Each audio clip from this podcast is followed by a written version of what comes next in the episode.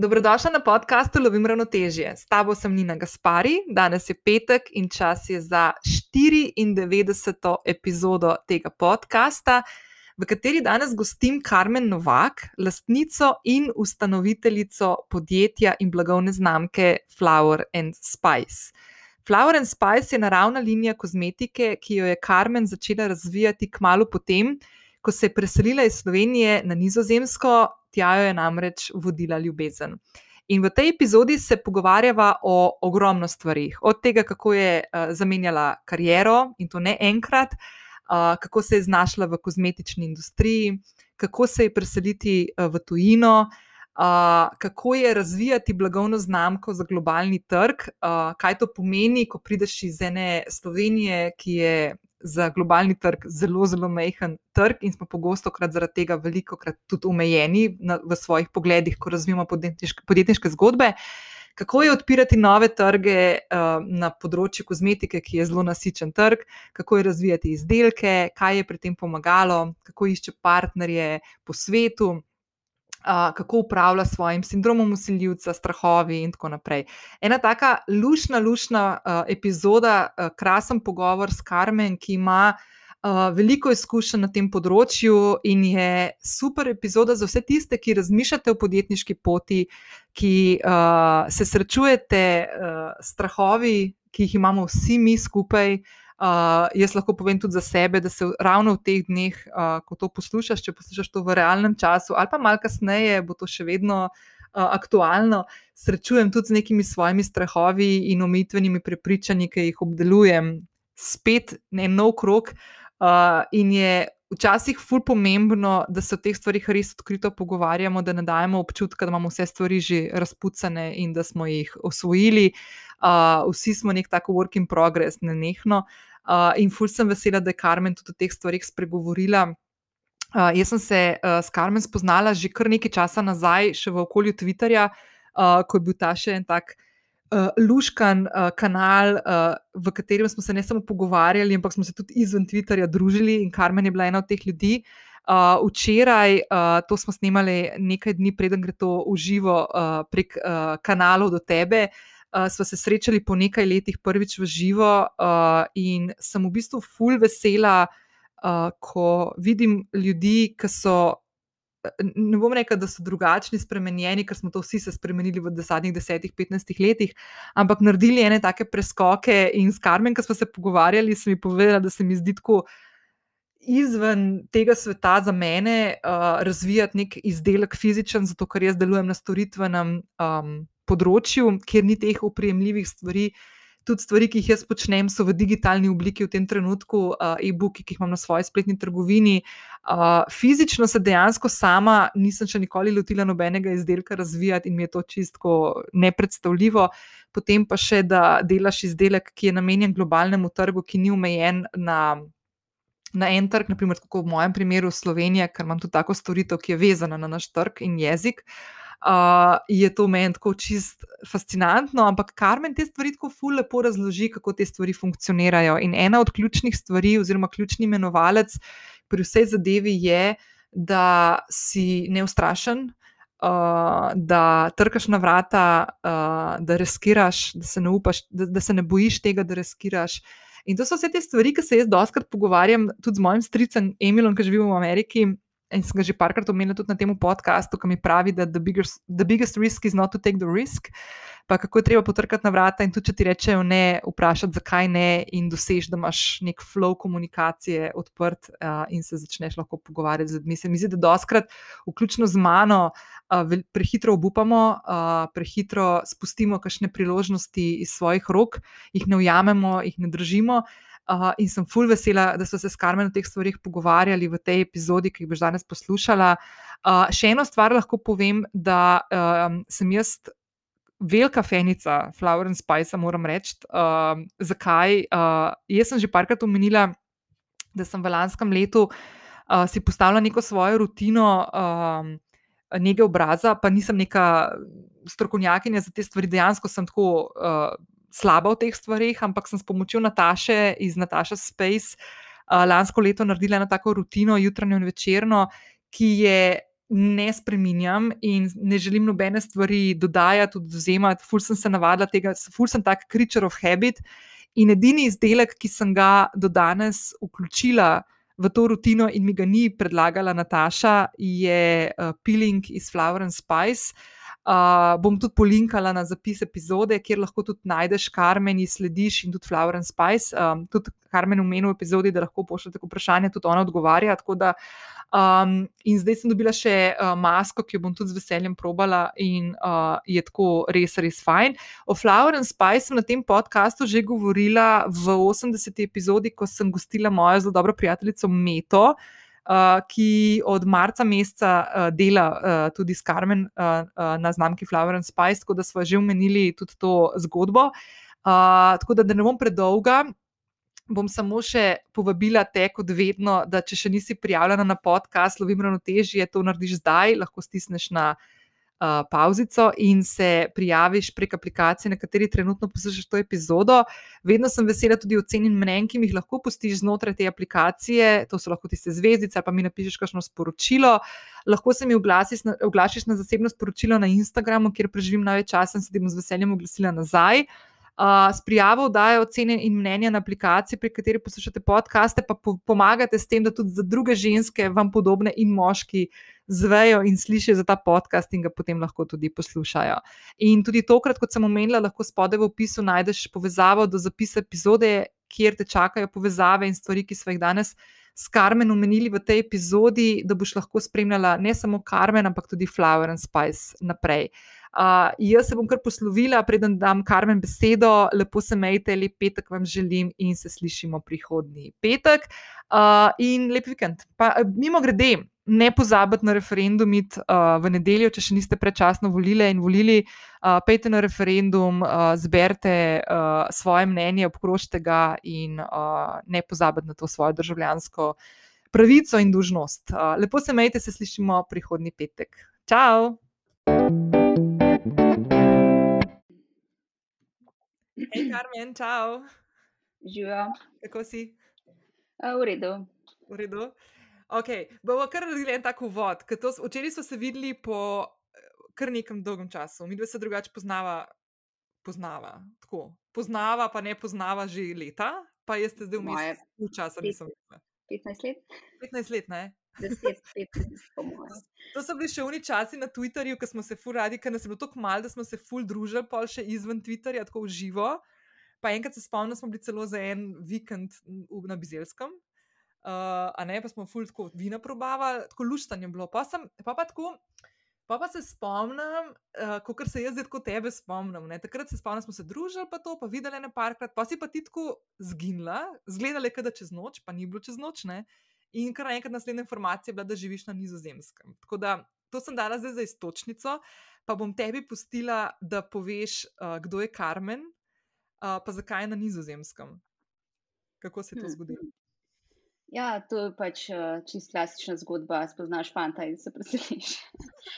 uh, ja, uh, takrat, ko smo se mi družili, no, pol sem delala v reševalski agenciji potem sem pa jaz spoznala nizozemca, sva kakšno leto uh, se vozila gor pa dol med vikendi, pa sem se preselila. No. Uh, tako da sem zdaj gor že šest let. Uh, trenutno sem v Ljubljani. Um, Iz razlogov, o katerem bomo zdaj govorili. govorili ja. Uh, ja. Uh, tako da, ja, to je v bistvu uh, long story short. Dobre, in kje na, nizo, in na nizozemskem živiš, kje je zdaj? sem v Amsterdamu, prej sem bila pa štiri leta v enem manjšem mestu. Ja. Na manjšem mestu. Okay, se pravi, zdaj si umenila, da si delala v, v marketingu. Um, pol se je pa zgodil, ker si se ti na nizozemsko preselila, da si odkrila eno novo strast, uh, eno zgodbo, o kateri bomo danes več govorili. Uh, in to je, da si začela razvijati svoje izdelke. Uh, pa bom kar rekla, da je to znamka Flower and Spice, ki sem jo že omenila, ker je bila tvoja sodelovka Meta gostja na tem podkastu. Dru, drugič, ki je bila gostja, je že vmes službo zamenjala in je bila že pri tebi v ekipi. Uh, in da mi povej, kako se je pa to zgodilo, kako je ta preskok iz marketinga v razvoj kozmetičnih izdelkov se zgodil. Ja, to je bilo pa res neplanirano in čisto spontano. Uh, spomnim se, ko sem prišla uh, na Nizozemsko, sem bila kar utrujena od dela več let v marketinških agencijah in kot producentka in tako. In sem nekaj sem prve par mesecev vzela Mofrej, da se spočijem. In potem sem študirala, kaj bi se delala. Um, nisem neki hotla iti nazaj v agencijo, pa tudi od tistega majhnega mesta bi mogla pol imeti kak dolg komut ali do Amsterdama, pa če ne znaš nizozemsko, je skoraj nemogoče delati v marketingu. Uh -huh. uh, tako da sem v bistvu moj partner me vprašal, uh, če vem, kaj bi delala v življenju. in seveda pač uh, pri 35-ih te noben zares ne vpraša, kaj bi res rad delal in sem prav mogla razmisliti. Uh, in sem, rekel, sem se spomnila, da ko sem bila uh, mlajša, tam okoli 20, da sem imela vedno rada te trgovine z naravno kozmetiko, z temi svečami, solmi, uh, temi um, za obanjo, te bombe, ki so. Um, in sem rekla, ok, mogoče bi pa jaz kaj takega počela, uh, ker se mi je zmeraj zdelo, da um, me vleče no, v ta nek wellness. No, in sem rekel, ok, zdaj imam čas. Uh, in sem poiskala na internetu, kje bi se kaj izobrazila, ker pač res nisem imela pojma, kako se karkoli dela uh, kozmetičnega. In sem potem najdla eno šolo uh, v Angliji. Uh, in se je izkazalo, in sem se prijavila na prvo diplomo, in se je izkazalo, da je veliko bolj znanstvena. Um, pač nismo delali zelo za obanje in tudi uh, te bombe za obanje, tudi če nisem naredila še do zdaj. No, in smo v bistvu uh, se učili, kako se delati kreme, serume in podobno. In uh, sem ratela tako navdušena, da sem si zelo hitro naredila en manjši laboratorij v, v hiši mhm. in začela ustvarjati. In tudi takrat, če nisem vedela, da bo to moja služba, sem uživala samo delo. Um, No, in potem sem pač naredila neke izdelke. Prve, uh, prvi izdelek, no, ki je bil v bistvu del šolanja, to je ta moj Midnight Beauty Serum, ki je še vedno moj najljubši izdelek. In ko sem ga začela uporabljati, uh, sem bila tako šokirana, kako dober je bil, uh, kaj je naredil v moji koži. Uh, si nisem predstavljala, da je lahko naravna kozmetika tako drugačna od česar koli, kar sem uporabljala. Mhm. No, in pa se nekam mogoče pa je to malo začela prodajati. no, in tako se je začelo in je pač pol malo eskaliralo. E, koliko časa je pa bilo od tega, ko si prvič naredila um, ta prvi izdelek, še v času šolanja, pa potem, da si dejansko začela tako postaviti spletno stran, pa trgovino, pa se tega tako, bom v navednice dala resneje, če si bila že prej resna, ampak tako resneje lotevati. Ja, mislim, da v kakšnem letu, dobrem letu uh, učenja, uh, ali mogoče celo prej že, uh, sem dobila idejo, no, da bi um, mogoče to začela prodajati, in sem potem usporedno z razvijanjem izdelkov, treh, ki sem dala na začetku ven, zraven še začela kreirati brand. Uh, malo mi je pomagalo to znanje iz marketinga uh, in produkcije, da sem znala vse to skupaj spraviti, najti prave ljudi. In uh, mislim, da rečemo, da dve leti, dve pa pol, um, do cirka tri leta je trajalo od prve stvari, ki sem jih naredila, do tega, da sem začela prodajati. No. Uh -huh. Mislim, jaz, ko nimam nekih izkušenj z izdelki, razen tega, da sem bila uh, v, v prvi vrsti, ko smo delali Slovenijo vodko, pa ti lahko povem, da smo mi ta produkt razvijali takrat, tako, mislim, da je bilo šest let, preden je prišel na trg, ampak ne zaradi tega, ker bi. Ne vem, bili ful počasni, kako koli, ampak smo imeli sestavino, ki smo jo hoteli vključiti, in ki je ab, absolutno je bilo ful težko spraviti v, v obliko, ki bi jo, ki bi jo produkt kot je vodka zahteval, to je bila takrat Aida. Um, je bila ful problematična sestavina, smo jo absolutno hoteli imeti noter. In jaz, ko tako pomislim, ustvarjati neki izdelek, mi je tako znanstvena fantastika. Ne? In zdaj, ki zraven dam še to, da prepnem, da si se preselila ti v neke nove kraje, kjer sem tudi jaz, ne vem, 12 let nazaj šla v London in sem čist zgubljena v nekem novem kraju, noben ga ne poznaš, pa zelo malo ljudi poznaš. Kako se tako znajdeš v neki taki situaciji, ki je že tako ful izziv postaviti neke korenine si, ne? Pa pa še začeti s tako zadevo, kako si to, ko se spomniš zdaj nazaj, tiste prve prve ja, korake. To se mi zdi, da je bila uh, bolj posledica, no? ker sem bila res v manjšem mestu, v sobrbi manjšega mesta in res nisem imela nobenega. Moj partner je bil v službi skoraj vsak dan do šestih. In v bistvu sem zaradi tega imela toliko časa za učenje, za ustvarjanje, za delo. Um, zato je to šlo malo hitrejše, ker sem res delala non-stop, sej um, partner je skozi govoril. uh, da sem obsedena. On je celo rekel pozest, ne obsest, pozest. Ker sem bila res čisto navdušena in sem uh, in brand uh, in vse, kar je bilo treba, in najdete produkcijo izdelkov in vse, sem uh, hitro skupaj spravljeno. Tako da ja, tole, ta osamljenost je bila pol zamenjena z bilico učenja in dela. No. Tako da pol sem se upisala še na to neko advanced diplomo um, znanost v organski kozmetiki in pol sem delala še neke tečaje za izdelovanje mask, potem zraven sem delala še tečaj za biznis tečaj, polletni, prav za kozmetiko in še marketing. No. Tako da je bilo prav um, zapolnen časno. Mhm. Da nisem se kaj dost uveljavljala tam ali pa iskala nekih kontaktov, ampak sem v bistvu zgradila firmo. No. Aha, the best. Ej, uh, ime, pod, uh, ime podjetja oziroma znamke Flower and Spice. Uh, do, kako je do tega prišlo? Ja, to je pa spet ena taka zgodba, ki se je čisto slučajno razvila. Jaz, ko sem se preselila tja, sem imela veliko časa za kuhanje in v bistvu sem, sem vedno rada kuhala, ampak nisem vedela, koliko rada kuham. In če imaš čas, pa če imaš za koga kuhati, uh, je pač to bolj zanimivo. In sem pač vsak dan kuhala in sem delala tudi veliko azijskih jedi, kjer uporabljaš ogromno začimb. In uh, jaz ko govorim, ko praviš, da je težko narediti izdelek, je, ampak uh, jaz primerjam formuliranje kozmetike podobno kot uh, kuhanje. Da, če v bistvu uh, lahko, moraš narediti nek recept, formulo, moraš imeti dobre sestavine, moraš vedeti, zakaj je kaj dober, um, kire mm, stvari hočeš ali pozdraviti, ali uh, zaradi okusa v hrani, v kozmetiki, zaradi pač uh, vrste kože in to. No, in je podobno, pač mešaš skupaj. In jaz sem začela tako, kot vsak začne. Nisem še imela laboratorija in ko sem delala prve kremce, sem jih delala v kuhinji. Uh, in je bil pač tam le tale uh, polička za čimbami, in sem uh, gledala tiste začimbe, ker sem pač raziskovala, kje je uh, naravne sestavine bi uporabljala v svojih uh, izdelkih, ker smo lahko pač ustvarili, kar pač smo želeli. In sem pomislila, če so začimbe res tako uh, zdrave v hrani, ne? recimo kak uh, kurkuma, cimet in tako, kaj bi lahko naredili za uh, nego obraza.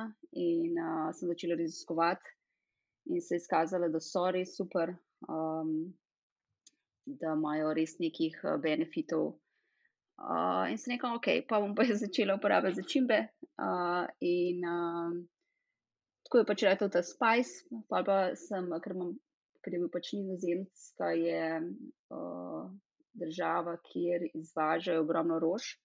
Uh mhm. -huh. Mislim, celo največ na svetu, vse posod so bile rože in sem jih imela doma skozi.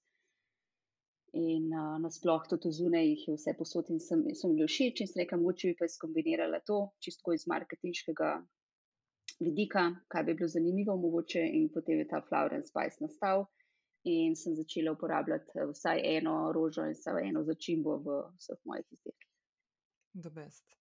Dobro, jaz se spomnim, ko sem bila v Amsterdamu, zdaj že kar ene tri leta nazaj in sem tako šokirana, ker sem hodila, mislim, da so bile glihune krompirjeve počitnice. In se spomnim, da sem hodila okrog in sem gledala te tulipane in so bile ful poceni. Ko sem primerjala jih pol z cenami, tle v Ljubljani, sem bila tako kva. Šok me je zadev, tako da ja, to, to se prav spomnim eno takih stvari. Ej, da mi še eno stvar povej. Um, zdaj tako Flower and Spice je, koliko časa zdaj že uh, na trgu? Štiri? Uh, glih tri leta. Tri leta. Smo tri leta, ja, konc uh, od začetka julija, ja, junija. Ja. Junija. Tako okay. je, tri leta. No. Okay, in zdaj ste že v bistvu prisotni na kar nekaj trgih, ne? a jaz to prav tako. Zdaj ste začeli ste zdaj v zadnjem obdobju, če jaz prav razumem, drugače poprav, se začeli odpirati tako druge trge, ne, sem, ne Slovenija, pa, pa uh, Nizozemska, ampak dobro, zdaj tudi spletna prodaja, tako si širše uh, razparcelirana. Ampak tako konkretno ste se lotili novih trgov, a lahko o tem poveš, kako to sploh zgleda, ker je ena blagovna znamka, ki je mlada, ker tri leta je res tako mlada, mlada zadeva, sploh na kozmetičnem trgu, ki je full velik in močen. Kako greš in odpreš nek nov trg, ne vem, Romunija ali pa Kitajska, a sem prav rekla? Ja, uh, mislim, to jaz gledam, se kdaj si mislim, da itak pojmo nimam, kaj delam. pač greš in pišeš trgovini, če te bi vzeli uh, in pač rečejo, ja, mislim, uh, ni nobenih zdaj strategij bilo težkih, kako prijeti na tuje trge, je bilo veliko dela. Tako da prvo leto uh, sem mislila, da bom lahko samo online uh, in smo sicer začeli prodajati vem, v 50 držav že prvo leto. Potem sem videla, da bom hitro rabila še pomoč pri prodaji trgovinam, vele prodajam. In smo začeli kontaktirati razne uh, trgovine, razne distributerje. In počasi so začeli kaplatno, tako da smo zdaj v, mislim, da v 14 državah po trgovinah, mislim, da vse skupaj okoli 25 trgovin uh, ki pač prodajajo naše izdelke, in imamo distributerja uh, na Kitajskem, oziroma Hongkongu, lociranega. Uh, Sicer smo ga imamo že kako leto, smo ga zamenjali na malo večjega. No, da, uh, kako se to začne? No, se pravi, um, greš na Google, pa pogublaš, pa najdeš kontakt. Uh, še tako sem, mislim, lani sem tako dobro leto nazaj sem še prosila prijateljico, če mi pomagala malo delati, da je mi pomagala kontaktirati te trgovine, pa blogerje in to. Um, tako da, ja, uh, pač je ustrajnost, pa veliko, veliko mailov poslanih, pa veliko samplov poslanih. Um, in pač pa, pa sem pa tja se, kakšen tale beauty buyer zaljubi in uh, naroči. Aha. Pa verjetno si veliko tudi ne slišala, pa ne smeš pustiti, da te to ustavi. Ja, ne to se sploh ne javljajo. To ne bi bil še super, to je veliko neodgovorjenih mailov, zato ker po moje teh brendov, uh, ki želijo priti v trgovine, je ogromno, ogromno. In, um, Jih mora res nekaj pretegniti, da odgovorijo, ali mora že ratati malo znan. Tako da mislim, da je zdaj zmeraj malo lažje, ker smo že kar prisotni veliko po social medijih, uh, nas malo že poznajo, tudi neko agencijo imamo najeto. Uh -huh. uh, tako da mislim, da bo zmeraj lažje. No? Uh, uh -huh. Pa pa tudi pogledajo, malo zdaj smo prišli v te Douglase online, uh, v ene pet držav in če vidijo, uh mhm. -huh. da si v Douglasu, pa mogoče jih bolj zanima. Uh -huh. uh, tako da mislim, da bo zdaj malo lažje uh -huh. s časom. Na začetku pa seveda si nikoli ništa in moraš ja, pač. in, hasel. Ja. Ej, veš, kaj sem hotel te vprašati, ker zdaj v zadnjem letu pa polne, uh, pač smo večinoma od doma, tudi slovenci, smo se naučili končno malo bolj tudi po spletu uh, nakupovati pa to, ampak verjetno kozmetika. Oziroma, kakšne so tvoje izkušnje z nakupovanjem kozmetike, sploh če gre za neko blagovno znamko, ki jo mogoče ne poznaš, pa je nova. Ne? Verjetno ta pomen tega, da si ti prisotna tudi v znamko, pa s svojimi izdelki v trgovinah, kjer lahko ljudje to tudi primajo v roko, mogoče kakšen tester dobijo, pa tako, je verjetno ful pomembna stvar. Da ni zdaj samo neki, da vidiš ti prejmo influencer ali pa neki, ki mislim, da konec konca tudi ni to kozmetična linija, ki je taka, da bi jo lahko za par evrov dubu. So, so so zneski, mislim, so pač cene temu primerne, ker imaš pač kakovosten izdelek in tako naprej. Ampak kako ti to opaziš, naprimer, uh, kakšen je pomen tega, da se pojavljaš tudi v trgovinah po različnih državah? No? Ja, zdaj je tako. No. Sicer mi, ko smo začeli po trgovinah, se je pol korona začela, tako da so vse zaprli. Tako da smo bili večinoma samo online, še največ uspeha smo imeli v Hongkongu in Makau, kjer so imeli tri trgovine, smo tam največ prodali. Tako da ja, definitivno ljudje, ko vidijo izdelek, že sama kvaliteta, že um, packaginga in potem von in vse, je pač definitivno faktor. In tudi na začetku um, smo slabo prodajali preko spletne strani, in potem sem uh, naredila te sample, da se kupi paketek samplov, uh mhm. -huh. da so ljudje najprej mi dali 15-20 evrov, preden so šli na 70 evrov kremo. In uh, to se je začelo potem vrteti. Uh, in potem moraš in z vizuali, in z ja, uh, social medije objavami, oglaševanjem prepričati nekoga, da ti da tistih prvih 15 evrov, um, uh, in potem gre pač lažje. No. In zdaj tudi, recimo, pošiljamo te vzorčke drugim trgovinam, da one pol porazdelijo okolje. Uh -huh. Ja, definitivno se uh, treba najprej sprobati. Je pa tako, no, se samo veš, zamenjati kozmetiko. Yeah. Je zelo težko, ker niti ne veš, kako boljša bo. Jaz, jaz tudi nikoli nisem v življenju spoh razmišljala toliko, kaj uporabljam na svoji koži. In če ne bi res sama sprobala, ne bi sploh vedela, da je spoh možno. Jaz sem mislila, da sem pač ženska z neko mešano kožo, ki ima zem pa tja težave. Pa se je pol izkazalo, da pač sem nisem imela prave nege. No. In, um, ja, tale, to je največji izziv, no. prepričati nekoga, da proba. Ker polko probano, pa se jih pa prime in pa ostanejo. In to je pač pol ta uspeh. No, se to jaz lahko povem, pa ne da sem jaz nek strokovnjak za, za te stvari, daleč od v bistvu sem res slaba v tem. Ampak lani, glih preden, malo potem, ko se je ta prvi val te korone končal, sem šla k Nataši na, na, na nego oziroma na testiranje spoh moje kože, da je spoh povedala, kakšno je stanje. In mi je ona takrat predpisala neko kuro oziroma neko rutino jutranjo in večerno, od katere ne odstopam še danes. Ne? Tako da to, kar si rekla, da se enkrat nekaj prime, ne se te prime. In ne dodajam stvari, oziroma me je strah karkoli zraven, dati, zato ker imam občutek, da to zdaj to stoji. In edina stvar, ki sem jo dodala zraven, je bil tvoj piling, ki mi je bolano dober. Zdaj samo povem, koromač je notar, ne? Ja, uh, Lavender in Fennel, ja, stivka in koromač, semena koromača. Ja. Ja, to je koromača. Ful dobro diši, tako res, mislim, mm. amazing. Plus, zdaj bom še masko probala, ki sem jo včeraj uh, dala za testirati. Tako da to zdaj še preverjam. Ampak e, edina stvar, ki sem jo dala zraven, pa Bajdo je to ti lahko še povem. A veš, kje sem jaz prvič slišala, da imaš ti ta brand? Kje?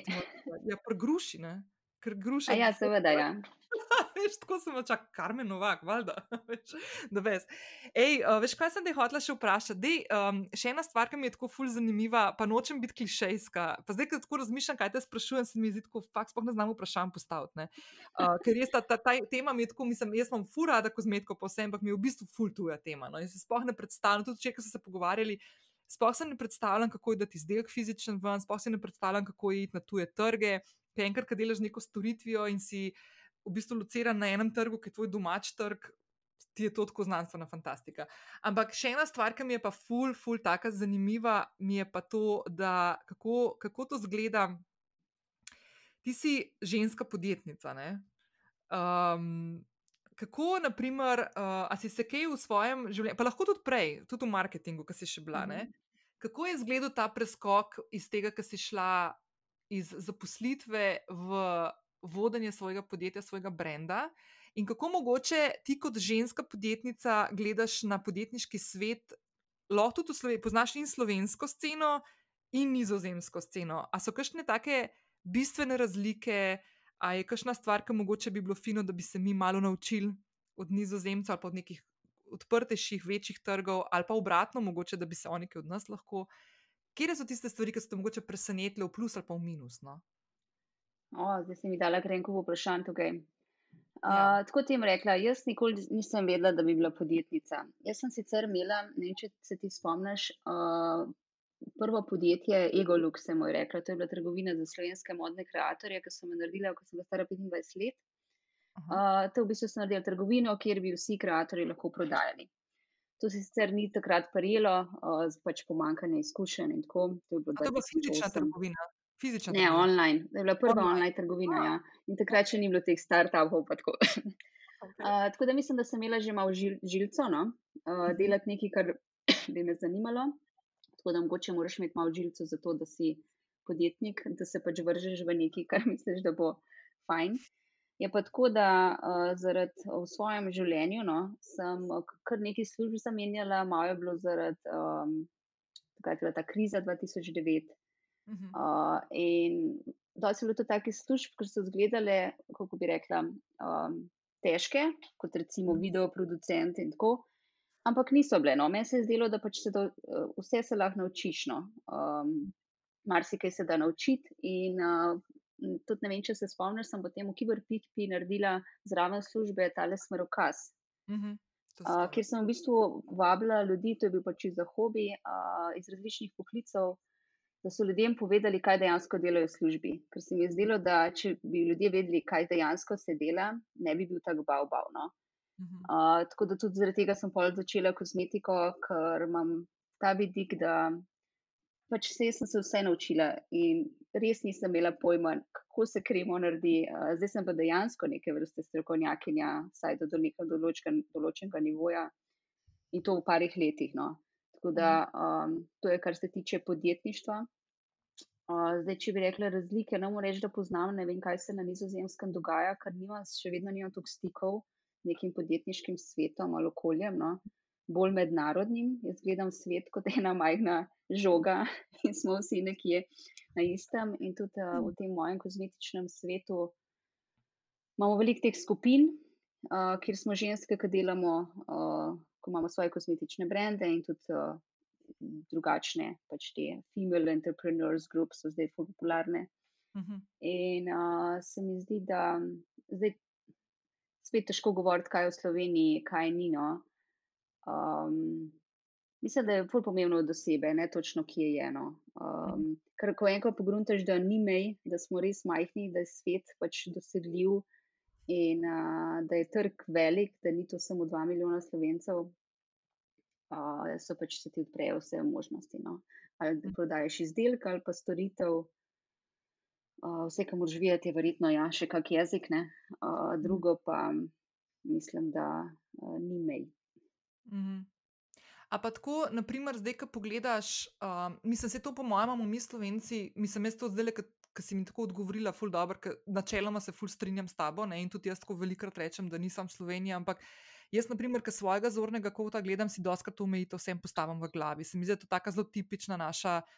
Ta mehkost v glavah, no, s katero sem definitivno tudi jaz obremenjena. Kaj se vedno tako pravim, da jaz, naprimer, ki poznam nek medijski trg, zelo težko bom, naprimer, svojo primarno storitev PR-a delala na nekem trgu, kjer ne poznam in kjer nimam kontaktov. Ne. Plus jezik, moraš res ful dobro obvladati.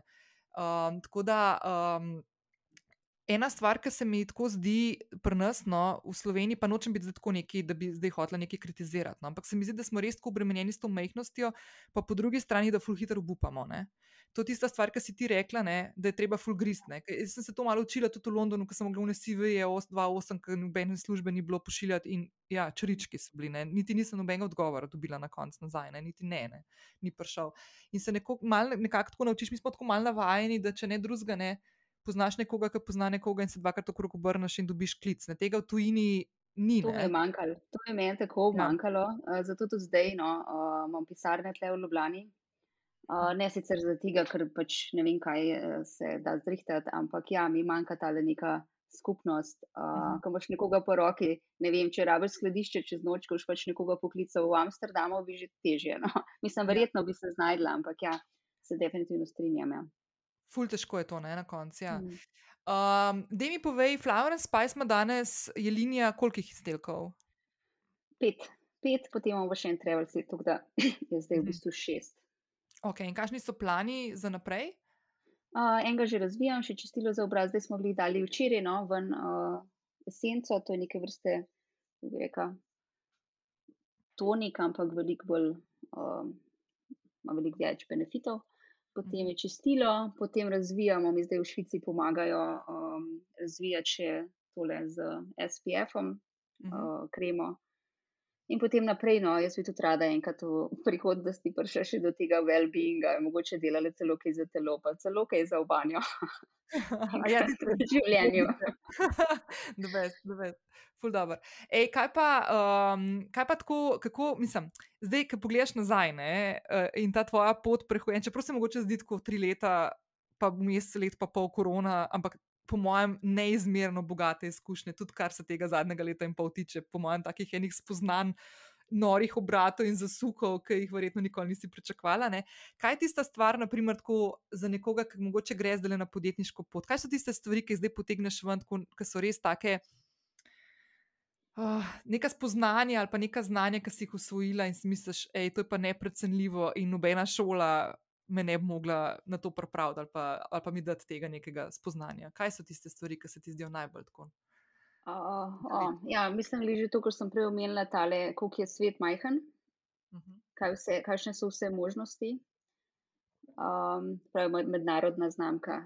Ja, pač ja, pošiljamo po celem svetu, ni pač uh, to za me, ne vem, zdaj, uh, tako nemogoče. No? Tako da tale spoznanje, kako je svet majhen, se mi zdi fulj pomembno. In uh, ko gradiš firmo, uh, te je vedno strah. Uh, strah te je, ali bojo ljudem izdelki sploh všeč. Mhm. to je pač najbolj grozno. Ali boš dobil slabe revije, ali bo se prodajalo, ali se ne bo. Ker jaz sem kupila po tisoče in tisoče krim zaloge in pol, ali bom to prodala ali ne bom. Tako da vsta strah, zanimivo. No? Uh, lastnica moje šole me je enkrat predstavila in je rekla, kot uh, podjetnica, da sem fearless, uh -huh. da mhm. nimam strahu. Sem rekel, no, super, da dajem tako tisk, ker se mi zdi, da imam skozi en knedar v želodcu, karkoli delam. Um, Edino, no, kar je iz tega, kar se tiče strahu, je, da sem se naučila, da če gre karkoli narobe, uh, da ni konc sveta, da se da popraviti. Um, če res ne vem, kaj groznega ne narediš, uh, vsi smo ljudje. No. Uh, tako da ta eno lekcija je po parih letih, no, zdaj počasi prihaja, da gre lahko to kdaj kaj narobe. In tudi, če kdaj kakšnega dela ne narediš, če te kdo kdaj skensla, je pa pač ja, svet je res tok nas je. Um, da to so po mojem no, te lekcije, da uh, ja, svet je mehen, pa uh, ne bo konc sveta, tudi če gre kaj narobe. No, Mislim, meni se zdi to ful dobro, to strahom, ker to po mojem, ga ni podjetnika, ki ne bi tega imel, oziroma razen če mm. imaš kakšne druge tendence osebnostne, da mogoče tega nisi razvil. Ampak jaz sem tudi eno obdobje, ki imam tako, ki imam ful močen in sindrom usiljivca, ful močen strah. Ful sem padla v neko krizo identitete, ker ne vem, če to, kar počnem, je še to, kar hočem delati v, naslednji, v bližnji prihodnosti. In se mi zdi, da ta fleksibilnost in ta občutek, uh, da se predaš nekemu flowu, ne, pa da probaš to upravljati, da je to ful pomembno. Ampak kako pa ti ta strah, tako, okay, poleg tega, da imaš občutek, da se da popraviti, pa da, um, pa da ni take panike, pa da je svet dost velik, pa da ne bo konca ta, če ti ne, ne rečem. Ampak, ker se ti znajdeš v neki situaciji, ki te strah rata. Ne? Kaj so tiste stvari, um, te, s katerimi upravljaš ta strah? Pol? Je težko reči, ker mislim, da sem že od nekdaj taka, no, da sem delala stvari, uh, katere me je bilo pač strah, recimo, skok, šele z aviona in podobne neumnosti.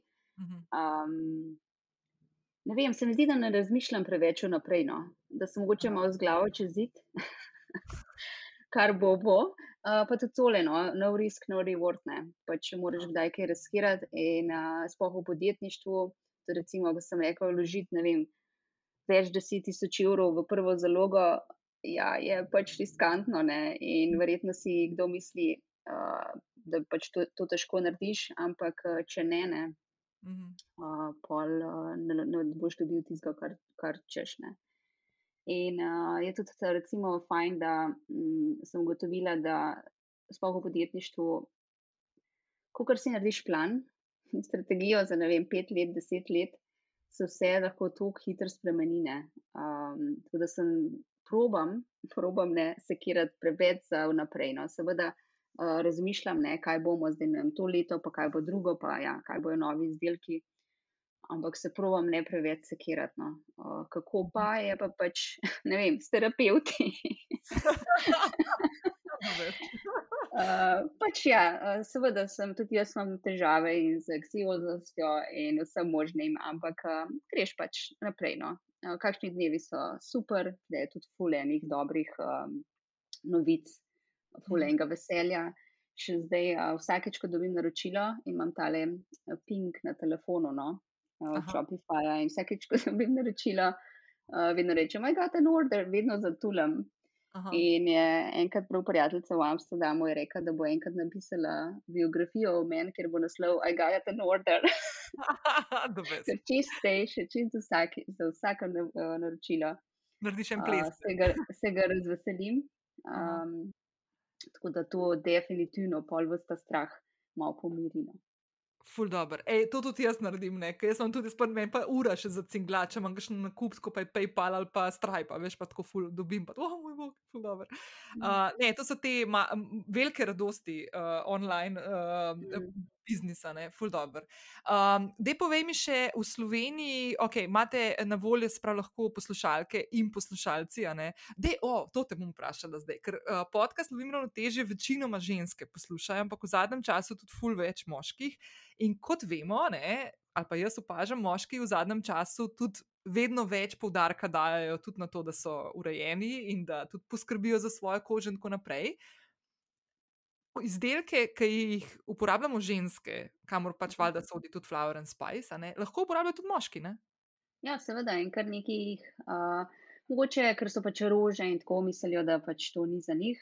Ampak jaz imam, jaz imam tudi nekaj investitorjev no? in eden izmed njih uh, uporablja ta moj midnight beauty serum in je rekel, da ga uporablja po britju, kar sicer nikoli ne bi jaz predlagala, da kdo to dela. In je rekel, jaz sem pač prebral, da je antiinflamatorij in se začel uporabljati in to zdaj uporabljam že mesece. Top. Tako da, Ja, ja. Ne, mislim, da to je ta neka fama, da moški morajo imeti pa neke svoje izdelke, ne, ker ni, ni treba. Mislim, to, kar imam jaz na kožo, da lahko tudi moj partner na kožo, konc koncev. Ne. Ja, ja, seveda, ja. bolj je to, ja, če komu ni všeč von po, ne vem, vrtnicah. Uh, Ja, drugače pa ja, res nima nobene veze. Uh, jaz sicer ne poznam veliko osebno moških, ki bi veliko uporabljali, no. Moj Mhm. partner, ne vem, če sploh kdaj, uh, bolj ko sem ga prisilila, da kaj proba. Um, ampak ja, kak peeling, pa kako kremo, no, uh, seveda lahko. Mhm. In dost strank mi je tudi reklo, da pol so še partnerji uh, začeli jemati, sploh če so imeli kakšne težave ali z aknami in tako uh, njihove izdelke. No. No, jaz bom itak polinkala tudi v show notes, bom polinkala Flower and Spice spletno stran, kjer lahko tudi uh, v Sloveniji valjda kupite, a ne, in imajo tukaj tudi skladišče, tako da iz Slovenije pošljajo, tako da ne boš prišlo iz Nizozemske, plus vse te social media kanale. Uh, a je tudi kakšna trgovina, v kateri ste prisotni v Sloveniji? Ne, uh, hoteli smo iti v Namo, pa nas niso kaj dosti zaenkrat še šmirgljali, upam, da bodo. Aha. Um, Okay, nama, če poslušate. pa, ja, ne vem, no, uh, ni ne vem, koliko takih trgovin, kateri bi bila ta, uh, rečemo, rang kozmetike uh, primeren. Mhm. Uh, nisem se pa še spravljala v razne mil- milerje in to, no. Mhm. Uh, ker mogoče, mogoče je zdaj tlele, no, slovenski trg je vsem tako majhen, Mhm. ampak um, imamo pa zdaj, uh, po- pošiljamo tako tako po Sloveniji v enem dnevu, tako da se lahko online naroči. Če pa je kdo res želi uh, osebno priti, imamo v pisarno tudi, no, pa lahko se po- pokliče, pa pride pogledat, no, Mhm. ampak to je bolj uh, slučajno, no. Mhm. Mm. Top. Pa upam, no, da bomo tudi v Sloveniji kmalo našli Mhm. kaj takega, no. Uh, Pa ni pa zdaj to kaj? glavni fokus. Se jaz te, te znamke, naprimer, ki jih jaz tudi uporabljam, za, za, ki mi jih je Nataša naprimer, predpisala, pa so slovenske nekatere. Ne, uh, sem opazila, da mogoče namesto da bi bile v trgovini, v tem wholesale segmentu, da so po kozmetičnih salonih. Ne. To se mi zdi, da je kar nek tak trend za te manjše, pa nove Ja, ja. Uh, mi smo tudi uh, po, po svetu smo v parih, uh, smo naredili kar tale training manual za salone in smo v kar Mhm. nekih salonih, no, v Ameriki, v Kanadi, v Švici. Uh, Mhm. v Sloveniji pa nismo še nekaj niti iskali. No. Mhm. Um, mogoče res zaradi majhnosti trga, um, ne vem, ali pa preveč dela. Ja, ja, ja, Ampak ja, ima. definitivno se strinjam. Uh, najboljše seveda našo kozmetiko uh, je najboljše, če jo uporablja seveda profesionalc. Uh, še toliko boljš, no, rečemo, Mhm. da uh, se pol stranka navadi. Tako da ja, mogoče nekega dne. No, super, da best. Ok, da mi še tako povej, mm, kakšna je kakšna tvoja jutranja rutina, tako poleg te kozmetike, ki mi boš tudi malo povedala, ampak tako, zjutraj se zbudiš, pa kaj so prve stvari, ki jih narediš? Um, v čudovitem času karantene imam to srečo, da mi partner vedno prinese vodo z limono in kavo v poslo. Tako da Ok, to je. In to Nice. vsak dan.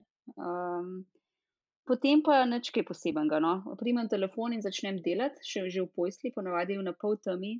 Uh, odgovorim večino mailov, tako da ja, grozna sem glede tega. okay. Uh, ampak si ne morem pomagati. Sem že probala, da ne bi, pa ne gre. Uh, ker se zelo počasi bila, zbujam. No. da be, ampak ful rada bi bila zdaj pametna, pa rekla ne, jaz sem se pa ful navadila. Šest dni od sedmih definitivno naredim isto. Tako da ja, Ja, pač, pač tudi, ko imaš svoje podjetje, v, najprej pogledaš, Ja. kdo kaj naroča, ima kdo kako vprašanje, ker sem tudi customer support še vedno uh, svoj. Mhm. Mhm. Um, pa social medija tudi delam, tako da Mhm. zjutraj še kaj objavim. Uh, pa ja, res rada spim, no, tako da se pol uh, počasi v pol temi zbujam s kavo in uh, z limonado. To je pa to, no, potem grem pa delat. Nimam nekih zdravih uh, drugih navad. A imaš tako delaš, ima- imaš home office, ne? Nimaš Ja, ne? nisem, nisem nikoli imela uh, pač svoje Mhm. pisarne v, v Amsterdamu, zdaj smo sicer v Ljubljani in kadar sem tle, grem seveda Mhm. uh, v pisarno. ja. Ful lepo. Končno. Ja, itak, ja. Uh, da mi povej, kakšen dober film, ali pa knjigo, ali pa serijo, ali pa podcast, ali pa kaj tasga, ki ti pade na pamet, lej. Da bi V mu... glih kar berem, uh, a je Naomi, Naomi o tej, čakaj, grem prav pogledat, Okay. o korejski, a, je on mi park. Uh, o, ženski, ki je pobegala iz Severne Koreje. Oh, to sem pa zdaj nekaj poslušala. Ja, in Order to Live, tako ja. In moram reči, da je to ena bolj uh, takih knjig, da me je pretresla. In podcast sem tudi najprej poslušala, potem šla pa na knjigo. No. Tako da kar ta Mhm. par je zdaj poslušati najprej, pa pa še knjigo prebrati. In sem na polovici knjige zdaj in me kar stresano. Ej, to je to, ki je šla iz Severne Koreje, zbežala pa, pa na Kitajskem, so jo imeli za spolno služenje. pa to. A to je ta? Tako, to je to, ja. O, ši, to sem ja. ja. Okay. Ne vem, kje sem zasledila to na enem podkastu, se mi zdi. Ja. Ja, ne vem, na Twitterju je bil. Jaz sem tudi poslušala, uh, je dve ure skoraj dolg in uh, pa sem si še knjigo kupila. Okay. Um, tako Cool. da, to je Super. to. No. Drugače pa kaj pa berem, so pa veliko teh poslovnih knjig. No. Uh, kar se tiče poslovnih, jaz zdaj uh, še enkrat berem uh, The Next Five Moves. Uh, je ena taka za vse podjetnike, no, ko gradijo podjetje ali imajo zaposlene. Uh, mislim, da je Patrick Bed David, uh, jaz sem ful slaba z imeni. Ni Panike, se bom našla, bom Uh, polinkala. ja, Ni problem. Cool. Pat David, ja, mislim, da je nekaj takega. Uh, in jo zdaj še enkrat, ker imam na audiobooku uh, in je mi je tako zanimivo, da sem začela kar še enkrat poslušati. Veliko dobrih nasvetov. No. Top. Ej, a si prebrala, veš, kera knjiga je ful dobra, ki sem jo pa jaz zdaj brala, tim, tim pofotkala, tim poslala. Uh, Build to Last. Uh, To sem pa slišala, nisem, nisem Ful, ful dobra knjiga, tudi kako ekipo gradiš, pa to veš, zdaj, ki si v Mm. tem noter, tako da ful dobra. Ej, eno vprašanje, hodila sem tako malo na izi končati, ampak eno vprašanje sem se sedaj še spomnila, ki je povezano s tem, ko gradiš svoje podjetje in svojo zgodbo. Um, a bi kakšno stvar danes drugače naredila? Ful jih je, ne? Ampak Uh, ne, ne vem, niti ne. No. Mislim, težko je vedeti, kaj bi naredil drugače, ker ne veš, kaj, kaj je takrat. Ne. Zdaj, ja. mm, ne, moram reči, da sem kar zadovoljna, kako se razvija.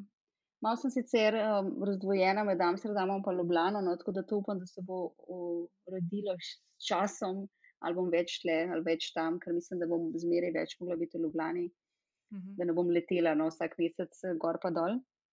Ja, pa to je zdaj tednov. naporno v, teh, v tej situaciji. Ne, zdaj, Ja, zdaj je res, ja. To je noro. Uh, Ja. Se- drago, vsi ti testi sem pa tja. Mhm. Um, ne, v bistvu nič kaj dosti ne bi spremenila. No. Uh, sem kar zadovoljna, z, da smo vse postavili tako trdno na začetku, no.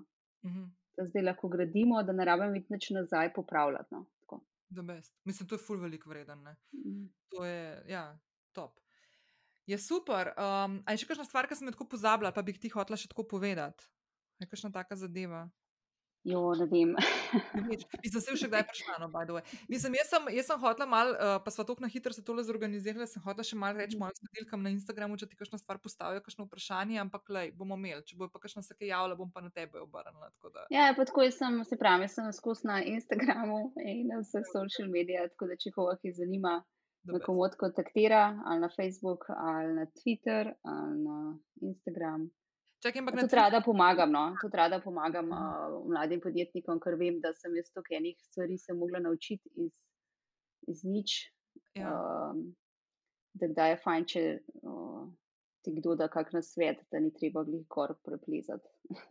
Ej, to mi je ful dobra stvar, to mi je Meta tudi omenila, um, da v bistvu je prav ta del, no, meni se zdi to ful pomemben in razumem, zakaj imajo nekateri ljudje še vedno malo težavo s tem, uh, da kakšno stvar podeliš. Dobro, si si danes že ful veliko tudi povedala tle v pogovoru, ampak da naprimer si odprt za take stvari, da nekdo, ki prihaja za tabo, ne, da mu pač poveš kakšno stvar ali pa namigneš, kaj bi bilo dobro ali pa kaj si se ti naučil iz neke zgodbe, kaj je bilo dobro, kaj ni bilo dobro. Mislim, se mi zdi, da to je taka karma. No? Veš, da, Ja, dobre so tudi recimo te razne skupine. No? Um, mogoče že to šolo, ko sem imela, je bila neka skupina, kjer smo si pomagali, pol smo si kar iz šole kolegice naredile skupino, pa smo se pol enkrat na mesec slišale, pa malo izmenjale uh, izkušnje in probleme in rešitve. In Mhm. še vedno so kar neke te Facebook skupine. Če kaj ne vem, kar vprašam. In vedno Mhm. se nekdo najde, ne? ali pa na Twitterju, ne? vedno se nekdo najde. In ljudje ful radi pomagajo, nam reka, da vsi. Mhm. Um, ampak uh, se vedno nekdo najde, ki ti rad pomaga. No, to sem tudi že prej prejšnjih službah videla. No? Če, če uh, vprašaš, ne. Pač, Mhm. uh, Ja, če ne vprašaš, ne v švedu. Ne? tako, tako je noben ti ne bo pač vedel, ali ti lahko pomaga ali ne. No? Tako da mm, to no. Um, malo se znajdeš, malo vprašaš. Uh, in tudi, recimo, vem, ko sem jaz uh, iskala proizvajalce kozmetike, ker to je pa ne, ne mogoče najti, ker so vsi tako no. zabasani, pa da dobiš kvalitetne, pa naravne, pa organske, pa sustainable. Je pa sploh ne mogoče. No? In je bilo glih tako, ja, črički, ki noben mi ni odpisal, pa vsi so rekli premehna. Nobenemu proizvajalcu se ne da ukvarjati z enim, o, ki še ni uveljavljen, ne? ker je full mhm. dela na začetku. Pa no, ful no, meni zelo kupuješ, ne? Ja, ja. Tako. Ja. In pa so mi pač v Švici, no, tale laboratoriji so mi šli, všeč mi je bil moj brand, no. Pa formule so rekli, se jim zdijo zanimive, nekaj novega in so mi pol dali priložnost. Zdaj mhm. so sicer super happy, no, ampak uh, pač, uh, ja, je dobro, no, kdaj uh, malo poprašati, pa mogoče ti da kdo kak na svet, uh, kako pride do koga, no, kaj reči. Ja, ja. Ne, da bes. Mislim, se še vedno, zdaj, še vedno se mi zdi znanstvena fantastika in res ko kapo dol. Plus, da itak še, še sploh se niso dotaknili tega, ne, da deluješ na področju, ki je še full regulirano in kjer moraš ti še imeti en kupenih. Ne vem, dokumentov. Ja. Ja, Veliko dela je bilo, uh, zelo, ja. zelo dolgočasnega in turobnega, in papirologije, in dokumentov. In, ja. No, tako da ja.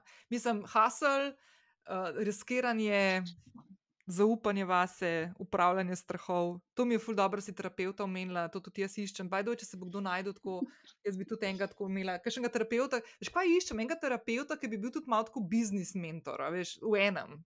Uh, pa za enega sem slišala, ampak to bi bilo ful dobro, to je po mojem ful niša. Uh, tako da ja. Ja, Karmen, ful, hvala, no, da si si čas vzela, ful sem bila vesela, da smo se videli tudi v živo. Uh, pa se ti javim, ko bom masko še provala, uh, kako se mi zdi, in uh, bo i tak na vezi. Pa se upam, kaj več vidva, no, zdaj le, ko boš hodila malo več. Ja, super in hvala, no, da si me povabila. Ej, z veseljem, z veseljem. Lepo bodi, pa srečno še naprej. Adijo. Čau, čau, čau.